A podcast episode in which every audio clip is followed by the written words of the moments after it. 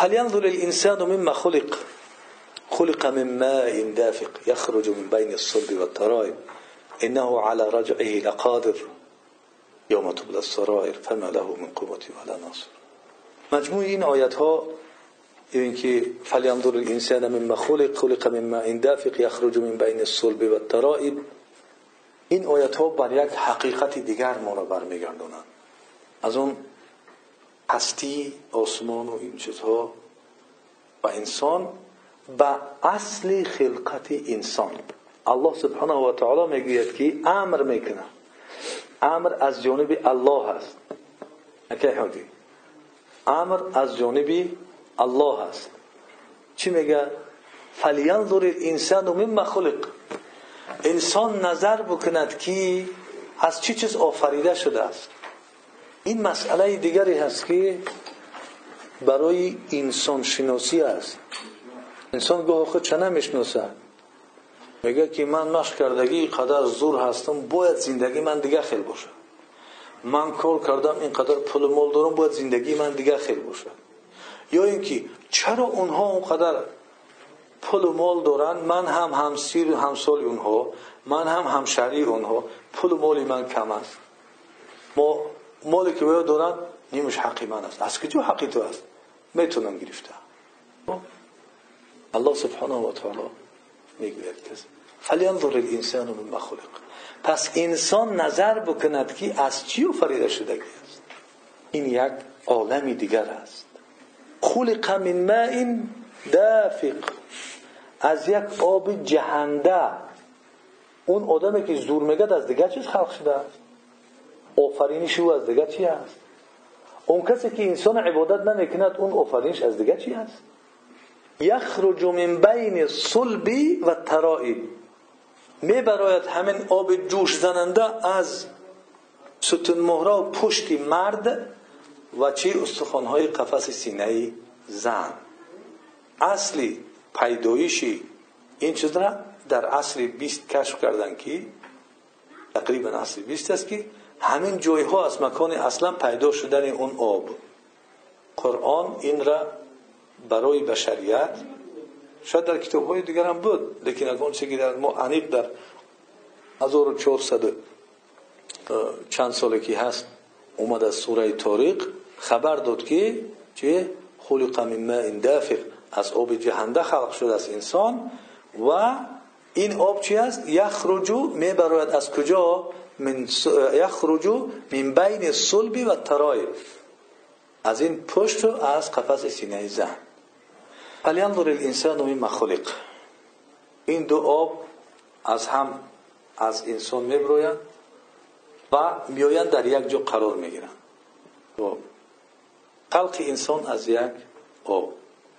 این آب گفتیم از زن و مرد. بعضی علما و دانشمندا گفتن که از همون پشت و از همون چی است قفس سینه زن.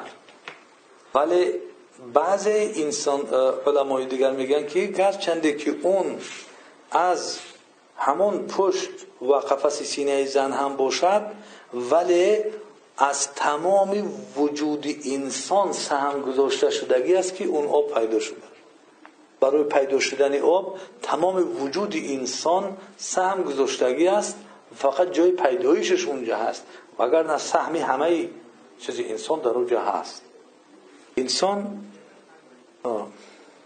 انسان نظر بکند که از چی چیز آفریده شد.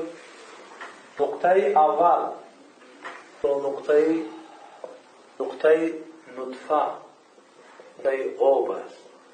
تا نقطه انسانی که دست و پا دارد گپ می‌زند عقل دارد اراده دارد. نقطه که نه قوت دارد نه عقل دارد نه ادراک دارد نه اراده نه خواهش هیچ چیز ندارد. نقطه که عقل و فراست و ادراک و قوت و این چیزها را چکار اراده و خواهشات دارد. تو فکر کرده است این خیلی شدگی پدر و مادر در اون حجیره ها عقل و فراست و ادراک جا کردن.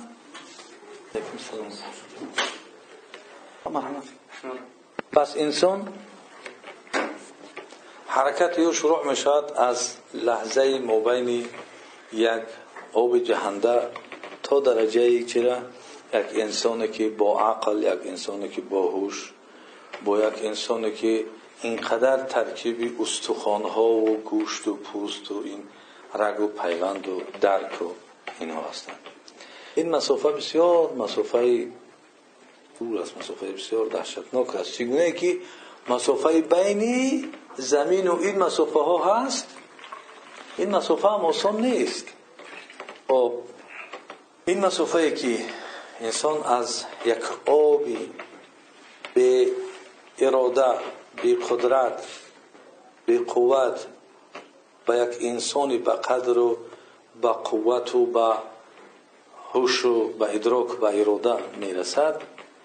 این چیز دلالت می‌کند که یک دست خارجی هست که این چیز را تنظیم میتید یک قوه دیگری هست که این چیز را تنظیم میتید و به اینجا میرساند.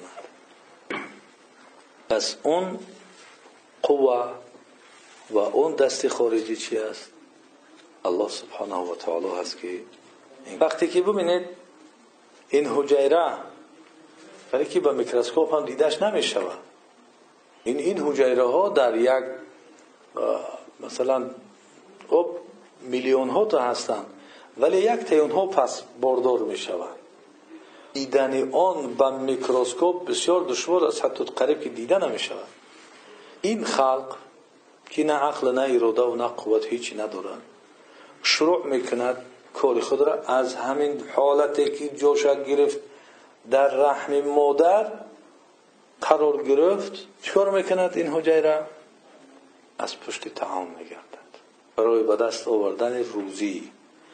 خب الله سبحانه و تعالی اون ذاتی که قدرتمند هست این یک چیزی به قوت و به قدرت و به اراده و به عقل می‌گیرد در رحم مادر. یک مکان میده که پری همون اونجا دیوارهای او جمع خون می‌شود.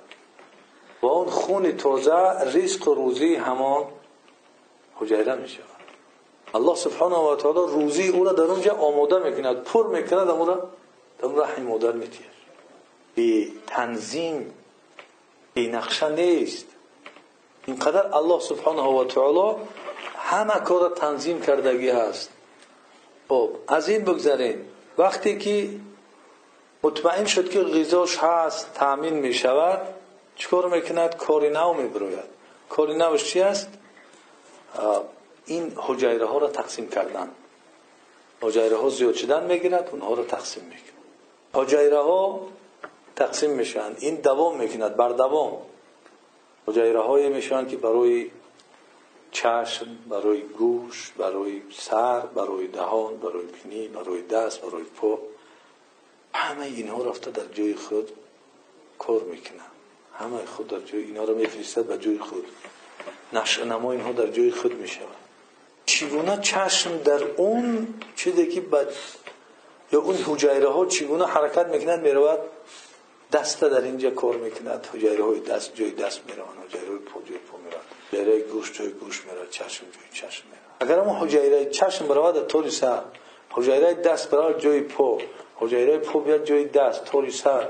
همون خیلی می‌شود حتی از این دقیقتر نگاه کن که وقتی که از یک پدر یک مادر میشن بعضی چیزهای مانند نقشه ببینید چشما مثل چشم پدر هستند گوشو مثل گوشو پدر هستند دست فش مثل دست پای پدر هستند مثل مادر است این نقشه رو که اینقدر دقیق می‌کشه؟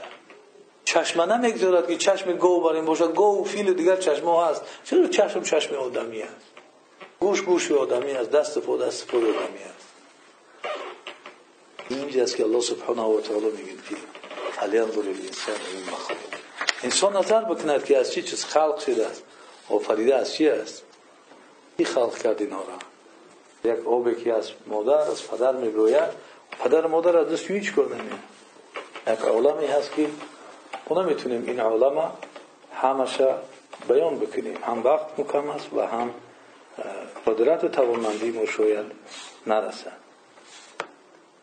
و این یعنی نشع نمای انسان از نقطه صفر به نقطه به نقطه یک چیزی که گپ نمی‌زد یک نقطه که یک چیزی که نه قدرت نه عقل نه اراده چی داشت به یک نقطه که انسانی با عقل انسانی با قوت انسانی با اراده میشه. این مرحله مرحله مسافه بسیار مسافه دور است و ذاتی که همه اینها را تنظیم می‌کند که یک حجره جای دیگر نرود. همه حجره ها جای خودشون رفتن. مجموعه مجموعه تقسیم جان برا دام مجموعه خودش. بتبت همه دست. الله. می‌کنن و اون الله این مخلوق خود را رعایت می‌کند نظارت می‌کند. باز توجیه و هدایتش هم می‌کند. اینقدر خلقش کرد میفورد که این خلق داشته باشد میفورد صحتیش داشته باشد میفورد نعمت های الله داشته باشد. ولی هدایت چی؟ یا قبول نداره. هدایت چه قبول نداره؟ امرش قبول نداره؟ همه چیزی الله هم می‌گیره نعمتش هم می‌گیرد. همه چیز دودگیش قبول می‌کند. ولی هدایت یک وظیفت میفرمه یک کور میفرمه؟ نه. او این این عجایبات نهایت زیاد هستند در گفتیم که از این نقطه تا اون نقطه عجایبات زیاد هست. این بعضی عجایبات شما ذکر کردیم. از این نقطه یک نطفه بدن تا این انسان شدن. عالم عالم عجایباتی هست که ما اینها را به حساب آورده نمی‌تونیم. خصوصیت های دارد خصوصیت های همه اینها دلالت بر چی می‌کنه؟ از همون نطفه همین خیلی انسان های برابر یعنی تقدیر بوده است یعنی تدبیر بوده است پس این گونه تقدیر و تدبیری که یک چیزی به جانه یک چیزی به اراده را به این خیلی تنظیم میارد به این درجه میرسوند. اگر با اراده او حرکت کرد الله با کمالاتش بیشتر و بهتر میشه مسئله آخران انه على رجعه لقادر و خداوند باز به برگرداندن او قادر است. ذاتی که از هیچ جا پیداش کرد. از هیچ چیز او را پیدا کرد. علیکم السلام و رحمت الله اون انسان ایرا چکار میاد البته برگردانده می‌تونه. یک چیزی عجیب. علیکم السلام و رحمت الله یک چیزی عجیبی که در این مسئله هست. توجه کنید. بعضی انسان ها میگن که بعضی انسان ها میگن که وقتی که انسان پوسید رفت این غیر مسلمان ها نظرش همین است که وقتی که انسان پوسید رفت خاکستر شد؟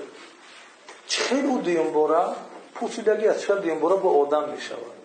ما گفتیم که مثال آورد نطفه است که یعنی یخرج من بین صلبی و ترایی این انسان از کجا پیدا شدگی است؟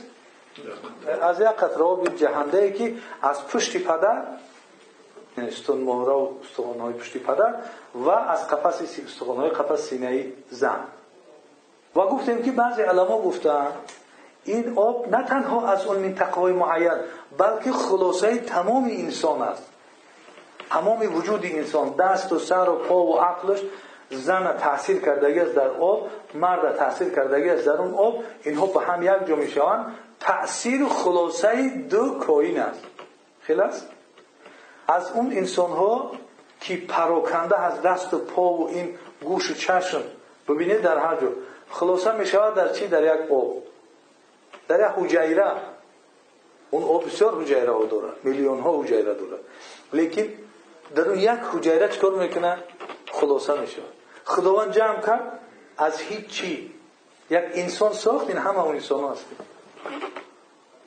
و این دلیل میارد که بار دیگر همین خیل اگر در کجای پراکنده شده باشد خاکستر کرده شدگی یا که پوسیدگی و چیکار کردگی باشد دیم باره باز همون چیزا چیکار میشن جمع میشن باز فایده میشه.